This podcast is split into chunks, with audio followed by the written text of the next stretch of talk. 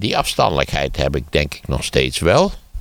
Eh, maar ja, er is een fameuze anekdote dat mijn moeder tegen mij zegt van ja, eh, jij maakt nooit ruzie, ruzie, met mij en dan kan ik, eh, weet je hoe dat komt? Dat komt dat je niet echt van mij houdt.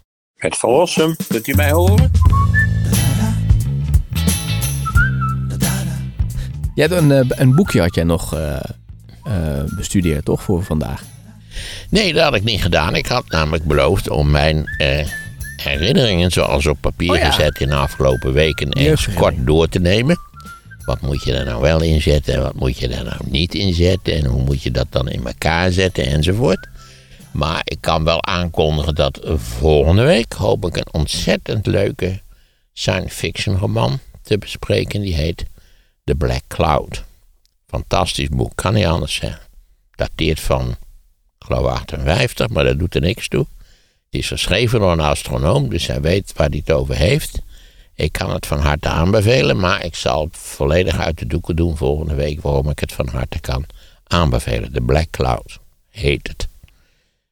Of het leverbaar is, ik denk het nog wel, nog steeds. Ehm, maar goed, ik wou het hebben over mijn herinneringen. Wat moet je daar nou inzetten? En laten we dan maar beginnen met, natuurlijk, je hebt twee genres, namelijk de autobiografie. Dit is autobiografisch, daarover zo meer. En je hebt natuurlijk de biografie. En de biografie is een, is een geliefd genre, zoals je weet. Uh, heel veel mensen zeggen, ik lees ja, geschiedenis, dat is tot daar, maar ik lees het liefst de biografieën. En ik moet zeggen, ik ben helemaal geen groot liefhebber van biografieën. En dat is om meerdere redenen. Ten eerste word je dan toch heel sterk gericht onvermijdelijkerwijs op één specifieke persoon. Uh, waardoor onvermijdelijkerwijs ook de belichting van uh, de rest van het toneelstuk vaak wat minder is. Je hebt van die foto's en dan kun je één persoon haal je eruit en die rest staat een beetje mistig eromheen, bij wijze van spreken, dat, dat idee. En mijn tweede grote bezwaar tegen vrijwel alle biografieën die ik recent heb gelezen, en dat zijn er helemaal niet zoveel, is dat ze veel te dik zijn. Het is verschrikkelijk werkelijk. Alsof ze niet op kunnen houden. Het is een. En laat ik daarvan. En, en, en bovendien is, is de dikte eigenlijk helemaal geen kwaliteitsgarantie. Laat ik een hele beroemde biografie noemen. Dat is Ian Kershaw over Hitler. Dat zijn twee zulke dikke delen. Ja, ik wijs het nu even aan, wat zal het zijn? 6 centimeter, 7 centimeter. Ja, vond het veel te dik, heb je gezegd. Komt veel te dik, zeg hallo. Dat had prima samengevat kunnen worden in, in een monografie van pak een beet 400 bladzijden. Sowieso begin ik al bij meer dan 400 bladzijden begint Van al te denken... had dat niet wat beknopter gekund? Ja, behalve want je hebt, dat heb je nog wel eens bij dikke boeken. Dat je denkt, ik ben blij dat dik ben. Dik is omdat het zo verrekte spannend is. Ja, de graaf van Monte Cristo is ook hartstikke dik, maar dat vind ik niet erg. Niet zo erg. Anna Karenina is duizend bladzijden, ook niet zo erg. Maar in de biografie kan je wel eens denken, nou, nou, nou, moeten we dat nou allemaal weten? Hè? Zoals je ook nog wel eens leest dat van die hele beroemde auteurs dan zo'n archief wordt aangelegd gaat het nog eens mee bij een heel verhaal over het archief van D.H. Lawrence. Dat is de man van Lady Chatterley's Lover. En toen daar stond een stukje bij dat alle briefkaarten aan zijn moeder. Hij schreef een hoop briefkaarten. Die werden ook allemaal gearchiveerd. Die teksten waren helemaal driemaal gelezen. En die teksten werden ook afgedrukt. Dat je denkt: kom op jongens, wat is dit voor onzin? Ja, ik zag nu, ik heb het niet gelezen, maar ik zag nu twee boeken over Gerrit Kouwenaar, duizend pagina's samen. Dat je ook denkt, na, na, na. Goed, ik ben geen liefhebber van de gedichten van Gerrit Kouwenaar. Dat zal misschien een rol spelen. Ik wil er best wel eens in kijken, maar duizend bladzijden. Dat is wel wat. Maar we keren terug naar Ian Kershaw. Twee delen over Hitler. En dat tweede deel, dat gaat dat begrijp je, over de late jaren 30 en de Tweede Wereldoorlog. Dus daar kun je nog wel iets bij voorstellen. Maar het eerste deel gaat toch over deels over die kabouterpolitiek, hoe onaangenaam ook in de Weimarrepubliek in de jaren twintig. Dat je ook denkt, ja, moet dat nou, dat wil zeggen, heel interessant, maar moet het in een biografie over Hitler ook nog zo'n dik deel zijn? Dat is mijn probleem eigenlijk. Dan moet je specifiek over de hele Weimarrepubliek schrijven. En wat daar mis aan was en waarom het verkeerd gelopen is. En daar gaan ze maar door. het hele noodlot van Duitsland in het interbellum, zal ik maar zeggen. en, nou ja, het probleem met die dubbelbiografie van, van Kershaw. Ja, sowieso, het klinkt ontzettend lullig natuurlijk uit mijn mond. Het is een ongelooflijk ijverig en door en door competente historicus, die Kershaw. Eh, maar ook, ik vond zijn boek over, over uh, de wereldgeschiedenis na 45 ook niet indrukwekkend. Betrekkelijk clichématig. Maar goed, dit, dit terzijde. Is natuurlijk ook lastig, een lastig thema. Maar in het geval van, van Hitler is er namelijk bewijs voor het feit dat het heel anders kan. En dat is dat fameuze boekje van Hafner. Aanmerkingen zu Hitler. Ik weet niet hoeveel bladzijden het is, maar als het 130 bladzijden is, is het veel. Misschien nog wel 150, ik weet het gewoon niet. Maar het, het is verreweg de beste biografie, de meest interessante, stimulerende. Een, een, een klein boekje wat eigenlijk de vragen stelt die je moet stellen over Hitler. Niet waar, hij heeft een hoofdstuk, daar is hij in de tijd, is Hafner daar heel zwaar om bekritiseerd. Erfolgen, successen. Ja, je kunt het bovendien, het is heel, heel helder Duits, dus je hoeft niet bang. Je kunt het, het is prima vertaald, daar niks, daar niks mee. Moet ik geen kritische kritiek op hebben. Maar je kunt het ook prima in het Duits lezen. Er volgde natuurlijk, laten we dat niet vergeten, dat Hitler in allerlei opzichten natuurlijk in de jaren 30, zowel in de buiten- als in de binnenlandse politiek, verrassend succesvol was. omdat hij op een aantal punten natuurlijk geen moeite had om hele rare keuzes te doen. en natuurlijk ook eh, eigenlijk vrij scherp zag dat hij, dat hij Duitsland kon gebruiken met een soort bluffpolitiek. Eh, omdat de Engelsen en de Fransen eigenlijk helemaal niks. Nou ja, de Peacewood-politiek hoeven verder nu geen aandacht aan te besteden. Maar dat je Hitler kon beschermen, omdat een deel van een Hitler-biografie erfolgen was, dat was toch mooi. Hè? Dat hij daarom bekritiseerd is, dat je ook denkt: nee, ja, verklaar maar eens waarom Hitler, niet waar, en, en toch een, een grote, moderne cultureel geavanceerde natie naar, naar een zo ongelooflijk noodlot heeft weten te sturen. Het is toch een wezenlijke vraag, zou je zeggen? Ja, dat zeker, zeker. Dus als je iets over Hitler weet... Maar nog even, waarom was daar kritiek op dan? Want dat is toch een goede vraag? Nou, dat je eigenlijk helemaal niet mocht zeggen dat Hitler enig, enig succes had behaald. Maar dat had hij natuurlijk wel, jammer genoeg. Had hij maar helemaal geen succes behaald, dan was het misschien anders gelopen, u zal het zeggen. Maar dus ik zou zeggen, voor elke voor iedereen die niet per se professioneel geïnteresseerd is in alle details van de Duitse geschiedenis, inclusief eh, zeg een kleine duizend bladzijden over Adolf Hitler. Lees, lees Hafner. daar kun je iets van opsteken. Je kunt met Hafner in zekere zin in discussie treden. Hafner heeft andere beknopte boekjes geschreven. Ik, hij heeft ook over Churchill geschreven. Recent heb ik nog dat die, die, die biografie van Churchill gelezen van Andrew Roberts. Dat is dan nog één deel. Maar zelfs bij Roberts dacht ik ook wel eens, kom op joh. Hè. Die is lollig om te weten dat Churchill soms twee keer per, per dag in bad ging. En ja, dat hij altijd zijde onderbroeken droeg. Maar, ik vertel het nu, eh, maar eh, ook die biografie had nog wel iets beknopter gekund. En dan heb je natuurlijk eh, allerlei biografieën van, van prominente Nederlanders... die dan ook vaak 6, 7, 800 bladzijden... en kom op. Dat was in, in, in 100 bladzijden was dat ook goed te doen. In 100 bladzijden kun je echt een hele scherpe...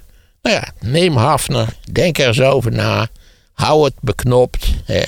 Laat zien wat voor persoon het is. Dat kun je best doen in enkele tientallen bladzijden. Dus ik vind veel biografieën veel en veel te dik. En dat is natuurlijk de, het, het lastige punt, keuzes maken. Hè? Van wat laat ik weg en wat laat ik staan? Nou, de keuze bij veel biografen is, wij laten niets weg. Helemaal niets laten wij weg. Alles moet erin.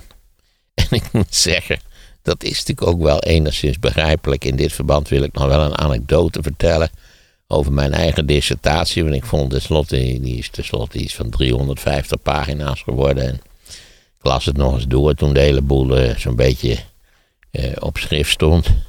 En toen dacht ik, zou het niet wat korter kunnen? Dus dan had ik een goede collega gevraagd, Ed, kan het niet een beetje korter? nou, hij had zich heel goed van zijn taak gekweten, want ik weet niet precies hoeveel, maar goed, hij had er zonder al te grote moeite een kwart uitgeknipt. Of eh, aangegeven, een kwart zou er wel uit kunnen.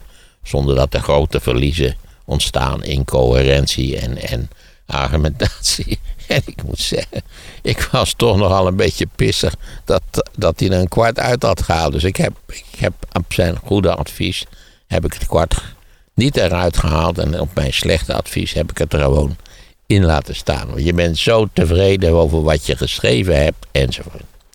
Nou ja, nu kunnen we langzamerhand overschakelen. Kijk, het begint weer te regenen. Je, vroeg, je begon je net af te vragen. Het is wel heel lang droog geweest. Wat zou dat toch mis zijn? Ja, hier moet je ook misschien dit, dat andere ruitje achter.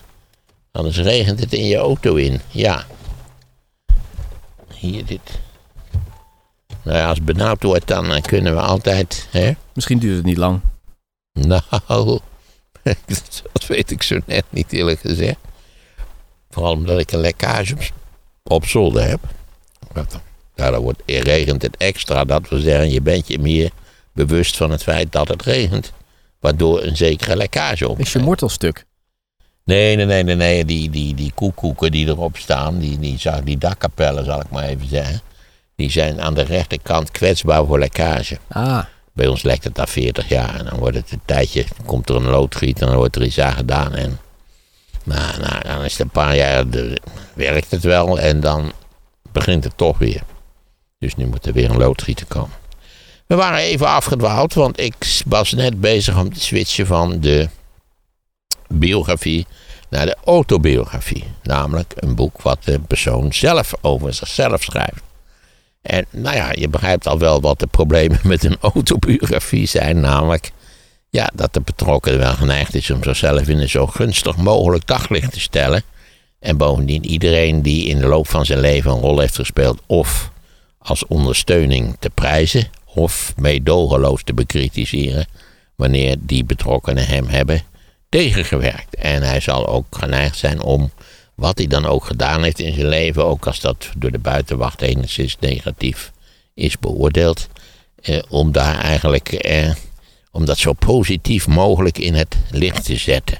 En ook eigenlijk vooral te schrijven over eh, wat hij allemaal niet bereikt heeft en waar hij allemaal niet voorzitter van is geweest. En hoe ongelooflijk positief de andere boeken die hij geschreven heeft zijn beoordeeld. En dat hij algemeen beschouwd werd als de beste tv-performer ooit in de wereld. Nou ja, uh, kortom, allemaal hagiografie, zoals dat heet. Heilige, een heilige leven wordt ervan gemaakt. Ze hebben heel weinig autobiografen die zichzelf natuurlijk scherp in het licht willen zetten. Ik moet er nog bij zeggen dat ook bij die biografieën trouwens, dat je vaak in biografieën treft dat je dat eigenlijk de eerste 20, 25 jaar van zo'n leven als ze eigenlijk nog helemaal niet weten dat ze beroemd gaan worden en geweldige dingen gaan presteren, dat dat vaak de leukste stukken zijn. Er bestaat bijvoorbeeld een hele dikke biografie van Hannah Arendt, op zichzelf een goede biografie. Maar eigenlijk denk je, zodra ze wereldberoemd wordt, denk je, en dan wordt ze de voorzitter van dit, en ze gaat een lezing houden in dat, en ze wordt toegejuicht in de zus. En nou ja, het is echt al. En eigenlijk is het een stom vervelend boek. Terwijl haar, de eerste stuk van haar levensgeschiedenis is echt, echt fascinerend. Hè? Hoe ze tenslotte, nou ja, van, van, eh, van een briljante Joodse Duitse student in de filosofie opduikt naar tal van wonderbaarlijke avonturen in New York. Dat is, dat is fascinerend om te. Ja, als je dan weer, als je helemaal wereldberoemd bent, dan ben je eigenlijk totaal oninteressant geworden. Ja, nu was de vraag, autobiografische vraag. Zou ik dat moeten doen? Ik wist al direct, ik ga ook nooit van mijn leven een, een complete autobiografie schrijven. Dat we zeggen over mijn hele leven van de geboorte tot en met, nou ik leef nog, maar goed. Volgens heel veel mensen op Twitter ben ik al lang dood, dus ik zou het eventueel best kunnen doen nu.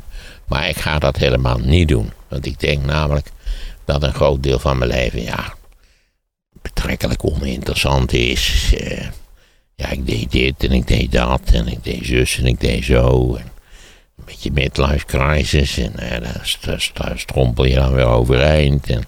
Tenslotte blijkt het pensioen een hele aangename periode. Nou, kortom, een beetje, een beetje voorspelbaar Nederlands burgermansbestaan. Dus ik dacht, het enige wat enigszins interessant of leuk zou kunnen zijn, is namelijk hoe, eh, hoe is mijn leven verlopen tot op het moment dat ik een keuze had gemaakt die ook de rest van mijn leven bepaalde. Namelijk de keuze om geschiedenis te gaan studeren. Dit in lichte onmin met mijn familie, die vond dat iemand die het gymnasium Bertha had voltooid wel helemaal een volstrekt achterlijke idioot was. Als hij zo'n mager studietje als geschiedenis zou ondernemen. Zoals iemand tegen mij zei uit de familiekring. Wil je nou werkelijk een aanmoedig bestaan in Winschoten of in Winterswijk leiden? Niet waar, maar je moet zorgen dat je een beetje aardig verdient. En zo, allerlei suggesties over hoe ik wel aardig zou kunnen verdienen. Die tenslotte hebben geleid tot het feit dat ik farmacie heb gestudeerd. Toen uh, was aan de orde mijn 80ste verjaardag, zoals bekend in oktober. En toen zei de uitgever, wil je niet iets leuks doen voor je 80ste verjaardag? Wij kunnen ook iets leuks doen voor je 80ste verjaardag. We kunnen, eh, nou ja, we kunnen dat boekje afmaken wat er nog ligt. 35.000 woorden, weet ik wat het is, weet niet precies eigenlijk. Eh, nou ja, dat zag ik eigenlijk qua tijdsinspanning niet zo zitten. Eh, zullen we dan van een bestaand boekje, wat nog steeds goed verkoopt, een soort luxe editie maken. Waarbij je een lollige intro schrijft. En een lollige uh, epiloog, zoiets iets in die geest. Nou ja, dat zag ik ook niet zo zitten. Goud op snee of zo. Fotootje erbij, 0,0. En toen zei ze, uh, misschien iets, uh, kun, je, kun je herinneringen? En toen dacht ik, nou, oké, herinneringen. Maar dan doe ik alleen herinneringen van de eerste twintig jaar. Want dan ga je niet te gezeik, ik deed dit en ik deed dat. Want je moet van, van geboorte in feite tot, tot, een, tot een kritische student, om het maar even zo te zeggen. Dus nu heb ik een klein boekje geschreven. Om precies te zijn, eh, net, net geen 30.000 woorden. Uh, en dat gaat over de hele periode van mijn geboorte op 24 oktober 43 in Zeist tot en met eh, het moment eigenlijk in Utrecht dat ik besloten heb om geen farmacie meer te studeren, maar om geschiedenis te gaan studeren. En vanaf dat moment, nou ja, ik had natuurlijk een heel verhaal kunnen houden. Dat is op zichzelf best verleidelijk. Dat ik enorm leuk geschiedenis heb gestudeerd. En dat dat een enorm succes is geworden. En, nou ja, deels ook natuurlijk een beetje het land der blinden één koning is. Dat is sowieso en deels is dat de story of my life, maar goed, zo is het nu eenmaal. En ik dacht, ik, heb, ik vind het wel leuk om op te schrijven. Ja, al die gekkigheid van mijn jeugd. En ik, ik was toch ook zeer in de verleiding. Ik had dat vroeger ook wel eens gedaan. In, op een wat andere plek en vanuit een andere startpositie. Over de dingen die ik gelezen had als jongen. Wanneer ik met lezen ben begonnen. Wat op mij grote indruk heeft gemaakt. Al die scènes die nog in mijn hoofd zitten. Of dat nu Kuifje is of in de pan van de ring. Of het Contiki-vlot. Of nou ja, al dat soort van zaken. En ik dacht, ik heb dan ook de kans, omdat ja, ook mijn, de gebeurtenissen van mijn leven ook weer niet zo opwindend zijn. En het is ook leuk om dan iets te schrijven over wat, je, wat, je nog, wat steeds in je hoofd zit. Wat in allerlei opzichten natuurlijk ook je, je kijk op de wereld heeft bepaald. En natuurlijk, ja, er is natuurlijk een hele avontuurlijk deel van mijn leven. Namelijk tussen september 44 en eh, voorjaar 45. Namelijk Market Garden en de nasleep daarvan. Maar ja, de tragiek daarvan is natuurlijk dat ik me daar geen bal van herinner. Want ik was toen één jaar oud toen Market Garden begon. En ik was het, joh, jaar daarop was ik eh, nog geen twee. Maar goed, werd ik in ieder geval 2 in 45. Dus ja, dat is allemaal uh, van horen zeggen. Dat is uh, eigenlijk onvermijdelijk. Daarbij rijst het bekende probleem. Hoe zit eigenlijk de herinnering van een mens in elkaar? Ik moet even een slokje nemen. Want iedereen kan je vertellen natuurlijk dat hij zich eigenlijk geen reet herinnert van de eerste paar jaar van zijn leven. En bij die, sommigen zijn, die zijn, hebben al een geweldige herinnering als ze tweeënhalf zijn omdat hun huis afgefikt is waar ze woonden. Of dat soort van dramatische gebeurtenissen. Ik overigens herinner me helemaal niets van de oorlog, van het bombardement. Allemaal 0,0. Mijn, ik zal het zo vertellen.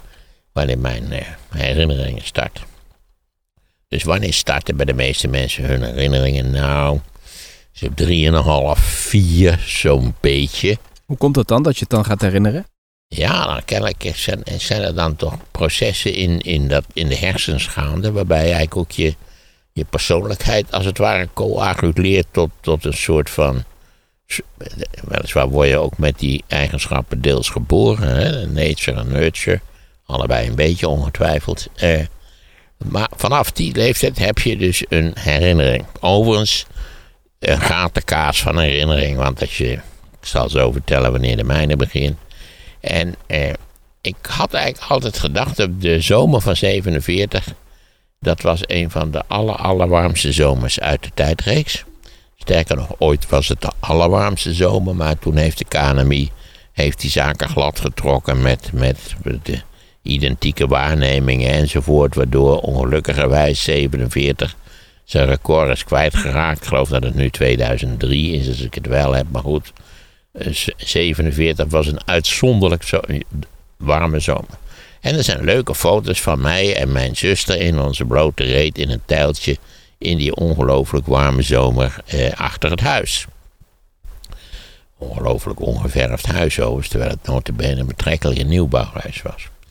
Dus ik dacht altijd, mijn, mijn herinneringen beginnen toch eigenlijk al in de zomer van 47. Maar ik was er eigenlijk niet zeker van. En er was een tweede herinnering, ook van 47, maar van een klein half jaar later. Namelijk dat ik logeerde bij mijn grootouders in Nijmegen. En ik kreeg daar de bof. En ik kreeg behoorlijke last van de bof. Tegenwoordig worden kinderen gevaccineerd tegen de bof, behalve de kinderen van mensen die tegen vaccinatie zijn. Want die zijn bang dat, dat als je tegen de bof wordt gevaccineerd, dat je dan rode haren krijgt. Of een andere wonderlijke afwijking in ieder geval. Bill Gates er misschien iets mee te maken heeft, wie zal het zeggen. Eh, dus ik was ziek van de bof. En ik herinner me nog een kamer. Althans, dat meende ik mij te herinneren. Een grote kamer. En dat ik, dat ik omdat als je in bed legt, dan, dan, doe, dan doe je ook overdag dutjes. Dus ik hoorde s'nachts de uilen roepen. Enzovoort. En toen besprak ik dat een keer met onze uh, Groningse herinneringsdeskundige. Kom op, help me even met zijn naam. Is dat niet die uh, professor die altijd op tv is, toch? Nou, dat weet ik niet. Is er een herinneringsprofessor op tv? Uit Groningen komt hij, zegt. Niet Erik Scherder bedoel je? Nee, dus niet Scherder. Nee, helemaal niet. Ik kan er nu eens heel stom niet opkomen, maar goed, het is een hele aardige man. En ik had ooit eens een gesprek met hem. Is hij bekend? Hij is heel erg bekend. Hij heeft weet ik hoeveel boeken geschreven die ook vertaald zijn. Het is, het is puur en alleen mijn ouderdom die mij nu... Ik weet hoe die heet. Ik weet dat ik weet hoe die heet. Hoe ziet hij eruit? Heel gewoon. heeft, hij, heeft hij ook een, zo'n zo'n professor-sick? Nee, helemaal niet. Nee, als je hem zou zien, dan, dan zeg je niet... Oh, dat is vast een professor. Nee, helemaal niet. Hij mist ook elke vorm van fanatisme of... of gedrevenheid. Het is een door en door sympathieke figuur met wie je over deze problemen goed kunt eh, spreken. Ja, je begrijpt hoe ik nu geërgerd ben dat ik er zelf niet op kan komen, maar het doet er niet zo verschrikkelijk veel toe. Want iedereen kan hem met een paar drukken op de knop zelf wel even vinden. De herinneringsprofessor, typt u dat maar in. Zal ik het even intikken? Dan komt hij er vanzelf uit te rollen. Ja. Ja, waarom niet? We, kunnen, we hebben dat ding bij de hand. Ik stond mijn telefoon. Laten we er ook iets gebruik van maken. Even aanzetten weer. Herinneringsprofessor in Groningen. Ja. Even kijken. Herrings. Is hij verbonden aan de Rijksuniversiteit? Daar was hij aan verbonden. Ik kan zijn dat hij al mijn pensioen is, dat weet ik niet. Maar ik denk wel dat hij nog steeds een prominent aanwezig is op het internet. Nou, dan ben ik benieuwd of je dat. Ik heb nog nooit gehoord van een herinneringsprofessor, of je dat dan meteen kunt vinden. Even kijken. Ik heb hier professor Dr. Douwer. Ja, Douwe Drijsma. Douwe Drijsma, ja. Ja, daar zijn we al. We zijn er al uit. Douwe Drijsma. Ja. Leven Douwe Drijsma. Hij heeft heel leuk ook geschreven over herinneringen. Kan uh, iedereen die boeken van harte aanbevelen. Uh, ja, hij is inderdaad wel uit dat dingetje, dat camera. Ja, daar ben ik weer. Oei. Ja. Ik moet zeggen, als ik dan dat eigen beeld nog wel eens zie, dan, ik dan zit er wel een beetje ingezakte oude man eigenlijk, hè. Dat je denkt, moet ik niet meer actiever, ja. Dynamisch overeind gaan zitten. Ja, het is maar ik heb, het gekke is dat ik ook toen ik jong was, mensen zeiden, wat zit je er toch ongelukkig bij? Zit, ga eens wat rechtop zitten, joh. Lummel, dat, dat, dat heb ik altijd geïnspireerd. Ja. Op een of andere manier. Maar goed, we zijn afgedwaald. Ik vertel altijd die twee verhalen van dat teltje en dat verhaal van mijn opa en oma. En de bof vertel ik aan Douwe Drangsma. Die zeiden, ja, het is zo klaar als een klontje. De, de eerste herinnering is dat geval van de bof bij je grootouders. Oh, hij heeft dat ook echt onderzocht voor jou? Nou, hij zei, nee, dat, dat niet. Maar hij zei, dat, dat, daar zitten details in die je niet van een foto kan hebben. Daar zitten bovendien details in die je waarschijnlijk niet verteld zijn door iemand. Want heel veel mensen denken dat ze herinneringen hebben omdat bijvoorbeeld een bepaald verhaal in de familie circuleert. En dan je weet hoe het met die verhalen gaat. Die worden wel dertig keer verteld of zo. Zodat je tenslotte denkt, ja, daar was ik zelf ook bij. bij wat die- vertelde je dan bijvoorbeeld bij dan? die voedseldroppen. Ik vertelde hem dat hele verhaal van die bof, want dat stond me helder voor de geest. Sterker nog, ik kreeg nadat ik hersteld was van de bof, kreeg ik van mijn grootouders een houten autootje met een fraai oranje dak. Dat wist ik ook nog heel goed. Dan zeg je een houten autootje, wat is dat voor een armetierige boel? Dat was toen, ik vond het geweldig. Sowieso. Als je ziet wat de kinderen tegenwoordig aan speelgoed hebben, dat je, dat je denkt, wat is dit voor iets raars? Dat is een hele uitdragerij voor mijn speelgoed hebben. Wij hadden een heel klein beetje speelgoed, veel meer was er niet. Denk aan al die, al die troetelbeesten van tegenwoordig. Heet het? De, de, weet dat nou, die troetelbeesten? Knuffel, de knuffels. Ik had geen knuffel. En bij mij weten mijn zuster ook niet. Terwijl, alle, kinderen die ik ken, die hebben niet één knuffel. Die hebben een hele knuffeldierentuin, man. Het is ongelooflijk, werkelijk. Ik was laatst in Naturalis. Ik dwaal even af, sorry. Ik was laatst in Naturalis. En daar kun je een soort mammoet, een knuffelmammoet, maar dat is niet zomaar. Een soort van kubieke meter mammoet is dat. Ik was toch in een verleiding om dat beest te kopen. En dan met Sinterklaas in een soort, soort reusachtige kartonnen doos aan de familie aan te bieden. Een soort familieknuffel eigenlijk. Die dan ook uitgeruild kan worden. Dat jullie, iedereen krijgt er een maandje en dan moet de mammoet moet weer verder. Hij zag er heel charmant aantrekkelijk uit als knuffel moet ik zeggen. Dat je ook aan die tanden een beetje lekker kunt trekken en zo. Goed, eh, ja, dus toen was eigenlijk bepaald dat, dat dit speelde zich af in herfst van het jaar 47. In 47 werd ik natuurlijk vier. Eh, en dat klopt was een beetje de meeste, bij de meeste mensen beginnen de concrete herinneringen als ze drieënhalf, vier, zo omstreeks die tijd zijn. Ik herinner mij dus van, van uit mijn eigen herinnering niets van voor die tijd. Al het andere is allemaal, als me allemaal verteld. Ook daarna moet je natuurlijk eerlijk zijn. En het, zijn, het, het is alsof je een, een, een rommelige zolder beklimt met, een, met zo'n zoeklicht. Weet je wel wat je daarvoor nodig hebt. En dat je dan, als je, als je dat kun je zo rond laten gaan op die zolder. Dat je, ah, dat is het. Dat is de oude kooitje van de kanariepiet. Of, oh, liggen die, liggen die oude tijdschriften. Nou, dat je, dat, dat is het eigenlijk. Het is, het is een, beetje, beetje hopscotch. Het is niet zo dat je een keurig geordende herinnering hebt. Ongelukkigerwijs heb ik ook toen geen dagboek bijgehouden. Want ik ben een hele slechte. Ik ben wel vier of vijf keer begonnen aan een dagboek. Maar het probleem is, als ik dan ga zitten schrijven aan dat, aan dat nieuwe dagboek. Dat ik, dat ik al gauw drie, vier uur zit te schrijven. Dus dat ik in no time heb ik, heb ik, heb ik eh, twee, drieduizend woorden op papier gezet. Dat je denkt van ja, als ik dat elke avond moet gaan doen, waar moet dat heen? En is dat wel zinvol eigenlijk om dat allemaal op te gaan schrijven? Maar goed, al met al, alles afronden, dacht ik toch, ik, ik wil best een soort van, eh, laten we zeggen, beperkte autobiografie schrijven. Die eigenlijk alleen die, die momenten die mij bijstaan, inclusief die boeken die ik. Eh, want ik heb, nog, ik heb nog in mijn boekenkast boven heb ik eigenlijk alle klassiekers van mijn jeugd staan. En ja, ben ik enigszins ontredderd, dan kan ik nog wel eens even de klassiekers van mijn jeugd opslaan. Dat zijn, eh, nou ja, Contiki Expeditie Oost. Ik geloof dat mijn broer dat exemplaar van het boek heeft. Maar dat is natuurlijk in de band van de ring, die op ons Lord of the Rings. Wat op ons jongens in, in de late jaren 50 echt een verpletterende indruk maakt. Ja, je weet dat literaire, liefhebbers vinden dat allemaal niks. Kaboutersprookje, fascisme, racisme, misogynie, nou ja, de hele zante kraam. Alles is er fout aan, zou je kunnen zeggen. Terwijl een echte lezer denkt, flikkert erop hè, met je politiek correcte denkbeelden. Het is een great story. En ik las ook ergens, it's a great weird boys book. En dat is het inderdaad. Maar kennelijk moet je het lezen op jeugdige leeftijd om echt in de ban van de ban van de ring te geraken. Maar goed, eh, ook nog natuurlijk eh, Niels Holgersson, eh, De Wind in de Wilgen. Eh, een aantal delen van Jules Verne. Ik ben een groot Jules Verne liefhebber. Nou, dan heb je wel zo'n beetje de, de, de kanon van Verrossum uit, uit de jaren 50 te pakken. En dan gaat het, houdt eigenlijk, het hele verhaal houdt eigenlijk vrij snel op. Als ik, eh, het houdt eigenlijk op op het moment dat ik ga studeren. En de laatste scène is op zichzelf nog wel vermeldenswaard. Want die betreft eigenlijk de dood van Kennedy.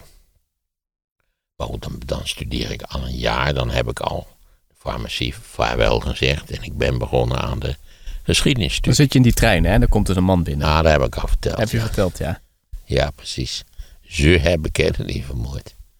Ja, nou, daar hebben we het hele weekend hebben we het daar toen over gehad. Maar ook die studie geschiedenis waar ik aan begonnen was, dus per 1 februari. Hè, want je had toen ook al die regeling dat eh, als je voor 1 februari stopte met de studie, dan telde dat studiejaar niet, Oh, niet extra Ja. mee. Nou, dat kwam goed uit. Ik had ook in het diepste geheim heb ik, heb ik die heb ik die hele farmaciestudie opgedoekt met de witte jas, de microscoop, alles wat er erop en erbij hoorde.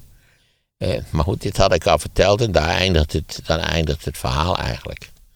En, maar ik, dat moet ik nog even, ik vond die studie geschiedenis ook.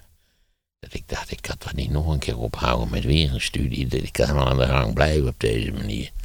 Dus ik ben geschiedenis blijven studeren, maar het was me al snel duidelijk wat ja, wat een infantiele, stoffige boel dat eigenlijk was. Het, het was een bittere teleurstelling, wil ik je wel verklappen. Geschiedenis. Ja, ja het, was een bittere, het was een bittere teleurstelling. Maar wat was dan de teleurstelling?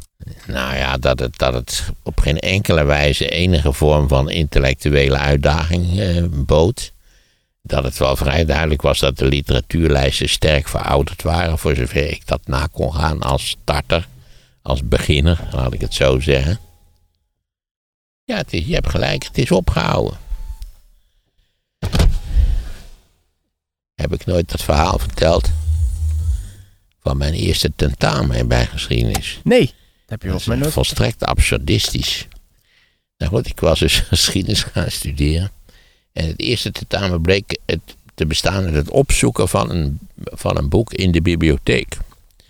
En je krijgt dus een titel opgegeven, dan moest je dan eh, het gebouw in, want de bibliotheek was inpandig bij het Instituut voor Geschiedenis. En dan moest je zien dat boek te vinden. En als je het dan gevonden had, dan kreeg je een plusje. En het boek stond er niet. Precies, had ik het al ja, heb je verteld. wel verteld. Ja. Het en nu boek het stond er niet, ja.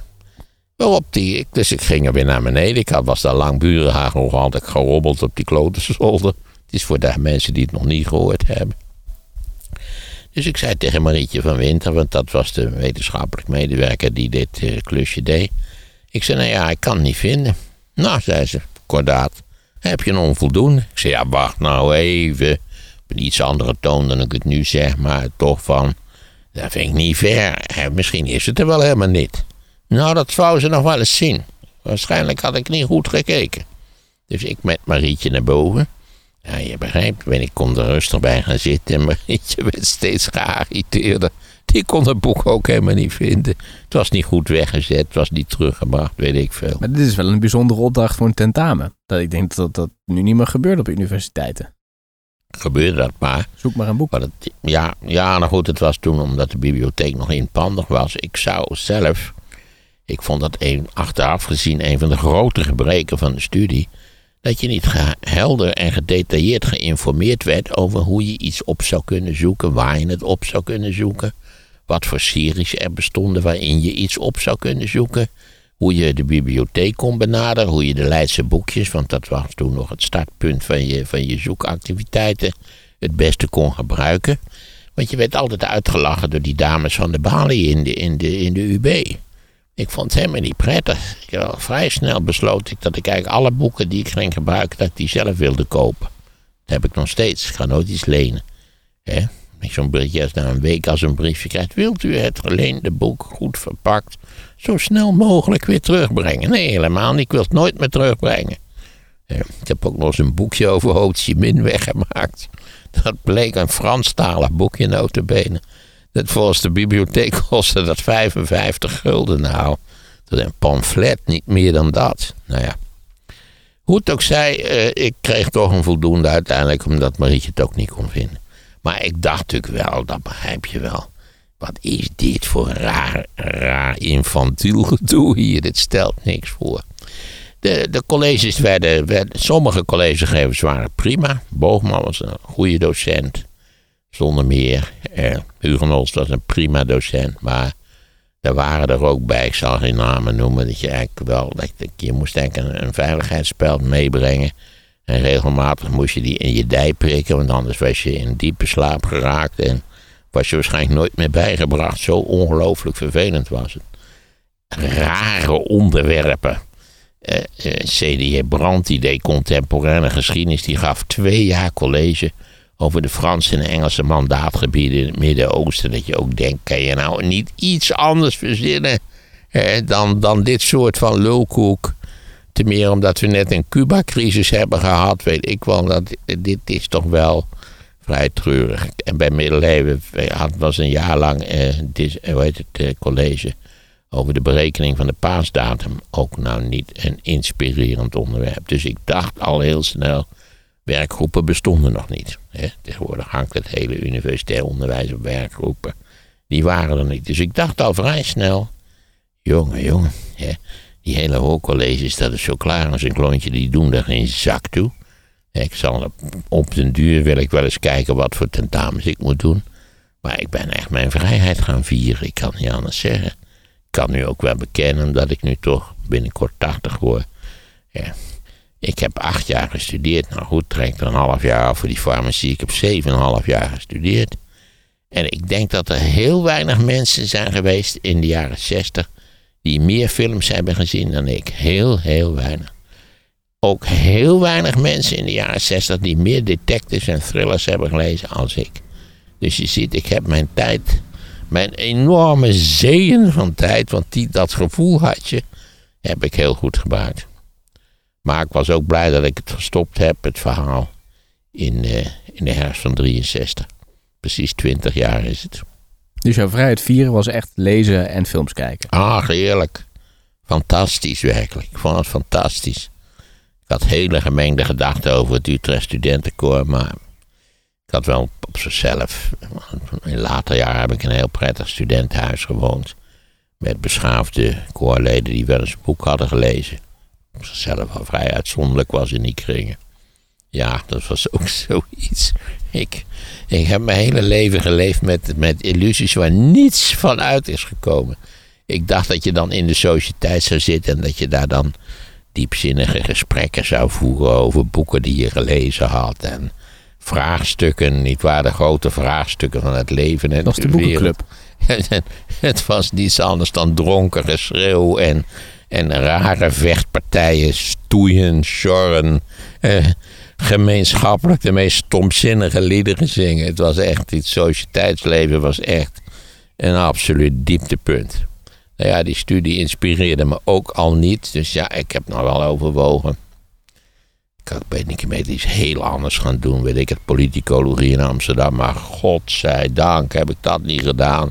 Dan was ik daar in dat zonderlinge marxistische kamp terechtgekomen. Dus dat was ook niks. Nee, uiteindelijk eh, heb ik na jaren heb ik mijn kandidaats gedaan. En dat ging allemaal prima. Is het ook zo dat je de jeugdherinneringen van jezelf koppelt aan de grotere gebeurtenissen in de geschiedenis in het boekje? Nou, dat is uh, goed, een hele goede vraag die ik eigenlijk minder mee heb overgeslagen. Want. Nee. Je moet niet alles verklappen, hè? Ik moet niet alles. Dat de mensen denken: ik hoef het niet meer te kopen. Ik heb het toch. Nee, want dat begint natuurlijk pas heel laat in je leven. Kijk, dat Wageningen van de jaren 50, dat voel je bij je water, dat was geen wereldstad. Eigenlijk, we woonden dicht tegen het centrum van dat stadje aan. Het was allemaal enorm dorps. Je kende iedereen. Ik heb, ook wel ik heb ook wel beschreven dat de hele wereld waarin ik mij bewoog, dat was één vierkante kilometer. Ik kon alles binnen tien minuten lopen. De kleuterschool, de lagere school, mijn vriend Frank, mijn vriend Jan Zegers. Eh, alles was binnen tien minuten te lopen. dus het stelde allemaal niks voor. Nee, de, de grote boze buitenwereld, even afgezien van de Flying Enterprise. Ja, dat moet u zelf maar zien. Dan moet u het boekje maar lezen. De meeste mensen van die, van die niet oud zijn, weten niet wat de Flying Enterprise is en hoe geweldig spannend dat was. Ehm, nee, begint eigenlijk, de, de, de, grote boze buitenwereld komt heel langzaam binnen. En eigenlijk de eerste keer was eigenlijk 56, toen de Russen de opstand in Hongarije neersloegen. Waar mijn vader zeer verontwaardigd over was, dat herinner ik me nog wel. En natuurlijk ook wel in, toen mijn vader lid uh, werd gedwongen lid werd gemaakt van de BB, bescherming bevolking, begon je, ook, begon je ook wel na te denken over nucleaire strijd, nucleaire oorlog, dat, dat wel. Maar feitelijk voor mijn, nou ja, dan 56 ben ik 13. Ergens tussen je dertiende en je, en je zestiende, zeventiende begon de wereld binnen te komen, maar heel beperkt. Ik bedoel, die hele, die hele koortsachtige nieuwscyclus van tegenwoordig, niet waar, dat, dat bestond totaal niet. Joh, we hadden geen tv. We luisterden nooit naar de radio. We gebruikten de draadomroep niet. We lazen een krant. Hier ben ik met de strips begonnen. En tenslotte hier en daar heb ik nog wel eens wat gelezen in de krant. Maar dat ik echt een beetje geïnteresseerd raakte in de wereld. Serieus geïnteresseerd. Dat is toch pas begin 63. En toen was ik nog, uh, ik weet wel, ik, volgde de verkiezingen van 63. Uh, en ik was daar uh, supporter van de VVD. Ja, dat stemden mijn ouders, dat stemde de hele familie. Iedereen was van de VVD. En dat trouwens, niemand zei ooit de VVD, het was oud. Je stemde op oud. Maar wij waren dus, toen ik luisterde naar de radio over die verkiezingsuitslag van 63. Eh, oud was toen al weg. Dat was Edso Toxopeus, was toen de voorman van, een, eh, van de VVD. Een zwierige figuur later volgens mij een vreselijk auto-ongeluk heeft gehad. Maar goed, dat doet er niet zoveel toe. Ja, dus ik was afhankelijk nog voor de VVD. En dan vier jaar later, vijf jaar later, was ik al lid van de Partij van de Arbeid geworden. Ah, oké, wat is er in die vier jaar dan gebeurd dat jij daar anders over bent gaan denken? Alles. De hele sfeer van het land, de jaren zestig. Ja, dat moet, ik heb al jaren 60 heb ik beelden beschreven. Dus dat moeten, ze nou, moeten de mensen maar zelf lezen in het boek. Maar het komt dus door de ontwikkeling in het land of ook door wat je zelf hebt meegemaakt in die vier jaar? Ja, vooral de sfeer natuurlijk. Vooral de sfeer van de jaren 60. Ja, die was heel bepalend. Als je nou denkt, wat is de sfeer tegenwoordig? Bozig, triestig, eh, pessimistisch. De, jaren zestig waren in alle denkbare opzichten het radicale tegendeel. Opgewerkt, vrolijk, feest, hitweek. Ja, hitweek? Ja joh. Wat was dat? Kijk, jij weet niet eens wat hitweek is. Ja, dat was een geweldig blaadje over popmuziek. Oh, was een blad, oké. Over de nieuwe wereld, zal ik maar even zeggen. Had later wel de hitkrant. Hartstikke leuk blaadje. Mocht het overigens niet lezen op de, toen ik in dienst was, mocht je het niet lezen op de, op de basis had ook wel een idee. Wat een knurfte waren dat ook. Nou ja, dat, dat, moet ik. Uh, heb ik wel eens iets over geschreven ja. trouwens. En wat ik nog even, waar ik benieuwd naar ben. Je begon het verhaal met uh, de biografie van Hitler en, en de verschillende biografieën die er zijn. He, heb je ook daarna gekeken om te bepalen hoe je dit boekje zelf wilde maken? Ja, dat is een interessante vraag. Ik wist, ik, in ieder geval wilde ik niet zo'n enorm mega open schrijven. Was ook niet zoveel tijd voor natuurlijk. Maar ik had geen zin om. Ja, je kunt. Dat, dat, de hele vraag bij zo'n tekst die je dan schrijft is. In hoeverre treed je in detail? Nou ja, laat ik als voorbeeld geven mijn eerste vriendin. Daar heb ik nu een, naast een halve bladzijde is het veel over geschreven. Ook omdat ik. Eh, het blijkt overigens dat ze al enige jaren dood is. Dus ze was een half jaar ouder dan ik. Dus, uh, Wist je dat of heb je onderzoek moeten doen voor het boekje? Ja, ik heb een beetje onderzoek gedaan om te kijken of ze nog leefde, ja of nee. Dat wist ik niet zeker. Uh, maar ja, ik dacht, eh, terwijl ik het schreef in ieder geval, dacht ik, kijk, ik, ik ga daar nee, niet in aan detail treden. Hè, dus ik heb het wel, wel enigszins afstandelijk heb ik het, heb ik het beschreven. Ik heb wel keurig beschreven hoe, waarom er een eind aan kwam. Dat ik door haar vader de deur was uitgezet. Dat, dat, dat heb ik keurig beschreven. Maar over, laten we zeggen, het, het hele idee van, van, van een jongen van, nou wat was ik, 17, eh, 18. En een meisje van vergelijkbare leeftijd. Dat, dat heb ik in feite, daar ben ik niet in aan detail getreden. Sowieso laat je bepaalde details laat je weg. Omdat ze of pijnlijk zijn, of, of dat je niet vindt dat een ander eigenlijk met dit soort van, van eh, privé details eh, vermoeid moet worden, of, of ook niet verdient dat hij nou toevallig, omdat ik een bekende Nederlander ben geworden die zo'n boekje schrijft. Er zijn, er zijn natuurlijk allerlei mensen die niet verdienen dat ze daar aan, aan, aan de orde worden gesteld. Mhm. Of het moet in positieve zin zijn. Dat wel. Er zijn ook dingen over jezelf dat je denkt, nou, dit, dit, dit toch maar niet. Dus in die, in die zin is het een typische, heeft het wel typische autobiografische trekken. Eh, maar goed, ik heb ook over mijn moeder heel, eh, heel kritisch geschreven. Dus dat, eh, ik vond dat ik dat wel kon doen, eerlijk gezegd. Ja, dus je bent ook echt ook door de, die onderzoek die je hebt moeten doen... een beetje je eigen geschiedenis weer ingetoken. Ja, maar het blijkt toch dat je ontzettend veel vergeten bent. Het gekke is dat je vooral vakanties je zo ontzettend scherp herinnert. Dus er staat nogal vrij veel vakantie in. Allemaal of beper- bepaalde vakanties? Allemaal.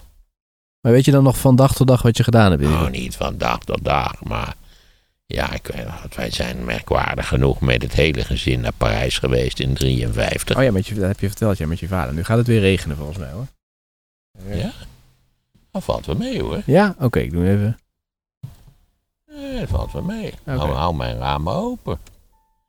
Ja, dus dat. eh, Die radio meteen zo'n gebonk uitkomt. Ja, Vreselijk werkelijk. Ja, dus dat, dat heb ik aan detail. Ja, ook daar geldt. Ik bedoel, wat, wat herinner je ook van zo'n vakantie? Bepaalde hoogtepunten. Vooral die dingen die je als jongetje ontzettend leuk vond, natuurlijk. Ja, ik was een jongetje. Weliswaar een nieuwsgierig jongetje. En wat natuurlijk wel, wel een thema is, is dat ik verschrikkelijk geplaagd werd vanaf het moment dat ik op de kleuterschool zat. Tot, eh, tot en met de tweede klas van het gymnasium. Ja. Toen was het eigenlijk vrij plotseling afgelopen. ja daar, even, laatst sprak mij daar nog iemand op aan. Toen eh, waren we een podcast, een andere podcast aan het opnemen. En toen zei Rini, want dat was degene met wie ik die podcast maakte, die had dat gehoord. En die zei van, heeft Maarten misschien toen in die tijd een soort van muurtje om hem heen gebouwd, eh, wat nu nog steeds staat, zodat hij dat alle kritiek een beetje op afstand houdt. Hij zei, is een beetje huis, tuin- en keukenpsychologie. Ja, dat Dan is- moet je ze aan hem vragen of hij dat zelf een beetje herkent. lekenpsychologie. Nou, een, zekere afstandelijkheid, ja, die, die is wel karakteristiek. Maar of dat nu sowieso een afstandelijkheid is die al in mijn karakter was ingebouwd, of dat die er wel was, maar versterkt is natuurlijk door het feit dat je als geplaagde, word je natuurlijk toch wel buiten de kring van de geaccepteerde kindertjes gezet. Wat niet leuk is, want je weet, iedereen wil graag erbij horen. En ja, ik hoorde er niet bij. Zoveel was in ieder geval wel duidelijk. Eh, die afstandelijkheid heb ik denk ik nog steeds wel. Eh, maar ja, er is een fameuze anekdote dat mijn moeder tegen mij zegt van ja, eh, jij maakt nooit ruzie, met mij. En dan kan ik, eh, dan- weet je hoe dat komt? Dat komt dat je niet echt van mij houdt. Want ik moet zeggen dat mijn zuster, die kon fantastische ruzie met mijn moeder maken werkelijk. Dus kennelijk kon die daarmee bewijzen hoe groot haar liefde was. Terwijl ik ben geen groot voorstander van ruziemakerij. Nee. Maar dat is nog wel wat als een moeder zoiets zegt, toch? Tegen een kind. Merkwaardig toch? Hmm, ja. Ja, maar mijn moeder was niet altijd even aardig. Nou ja, dat, eh, mensen moeten dat maar nalezen. Ja, en op een moment hield dat toch wel op, die plagerij. En ik, ja, ik ben althans niet ja, je wordt nog wel eens raar bejegend. Om de eenvoudige reden dat je ervan houdt om boeken te lezen. En, en, en heel veel mensen vinden mij natuurlijk een irritante bedweter eerste klas. Dat begrijp ik ook wel. Het probleem is dat ik het meestal inderdaad beter weet. Ja. Ja, nee, ben, neem mijn eerste schoonvader. En daarna natuurlijk ben- ik wat betreft de schoonvaders wel op de rem gaan staan natuurlijk. Ja. Het is natuurlijk wel een beetje zo bij een autobiografie, wat je net zelf vertelt, dat je een bepaalde mate van censuur toepast. Omdat je zegt Ja, bepaalde. absoluut. En Ja. iemand die natuurlijk een boek over jou zou schrijven, die zou zeggen: Nou ja, dit is heel kenmerkend voor hoe hij is, dus dit laat ik erin staan. Want dit moet de lezer die meer over Maarten wil weten, moet dit weten. Die boeken zijn ook wel gemaakt, toch? Eh, over jou.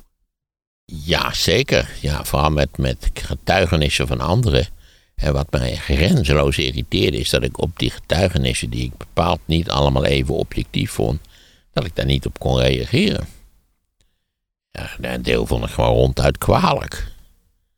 Ja, dus ja, nee, dat vond ik niet, vond ik niet Dus je vindt er wel dat daar wederhoor bij hoort dan als je dat doet. Ja, hoor en wederhoor lijkt mij. Ja. Kijk, als ik helemaal dood ben, vind ik het allemaal prima. Ja. Maar ik kan me ook niet voorstellen dat, dat dat na mijn dood een, een tweedelige biografie van mij zal worden geschreven. Dat zit er niet zo in. En zou ik ook zelf eh, niet op prijs stellen. Nee.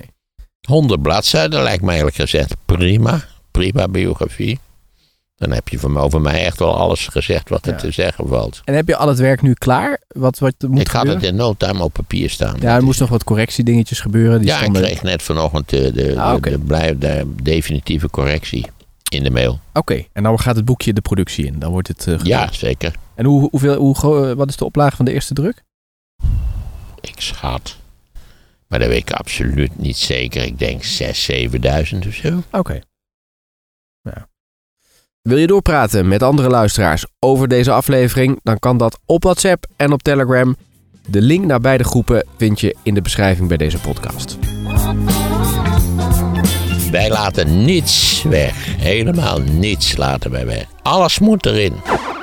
Ach, die Europeanen, dat zijn vuile imperialistische veroveraars. Nog meer geschiedenis hoor je in het luisterboek Industriële Revolutie. Moordzuchtige types hè, die de wereld halverwege naar de verdommenis hebben geholpen. Maarten van Rossum geeft drie uur lang college. Eigenlijk had de industriële revolutie zich in China af moeten spelen. Bekijk de beschrijving bij deze podcast en dan vind je vanzelf de link naar het luisterboek. En wil je nog een podcast luisteren? Luister dan nu naar Sea Level over de kwantumtechnologie. En hoor hoe Nederland probeert mee te doen bij de allerbeste ter wereld als het gaat om deze vooruitstrevende techniek. De link naar de podcast vind je in de show notes.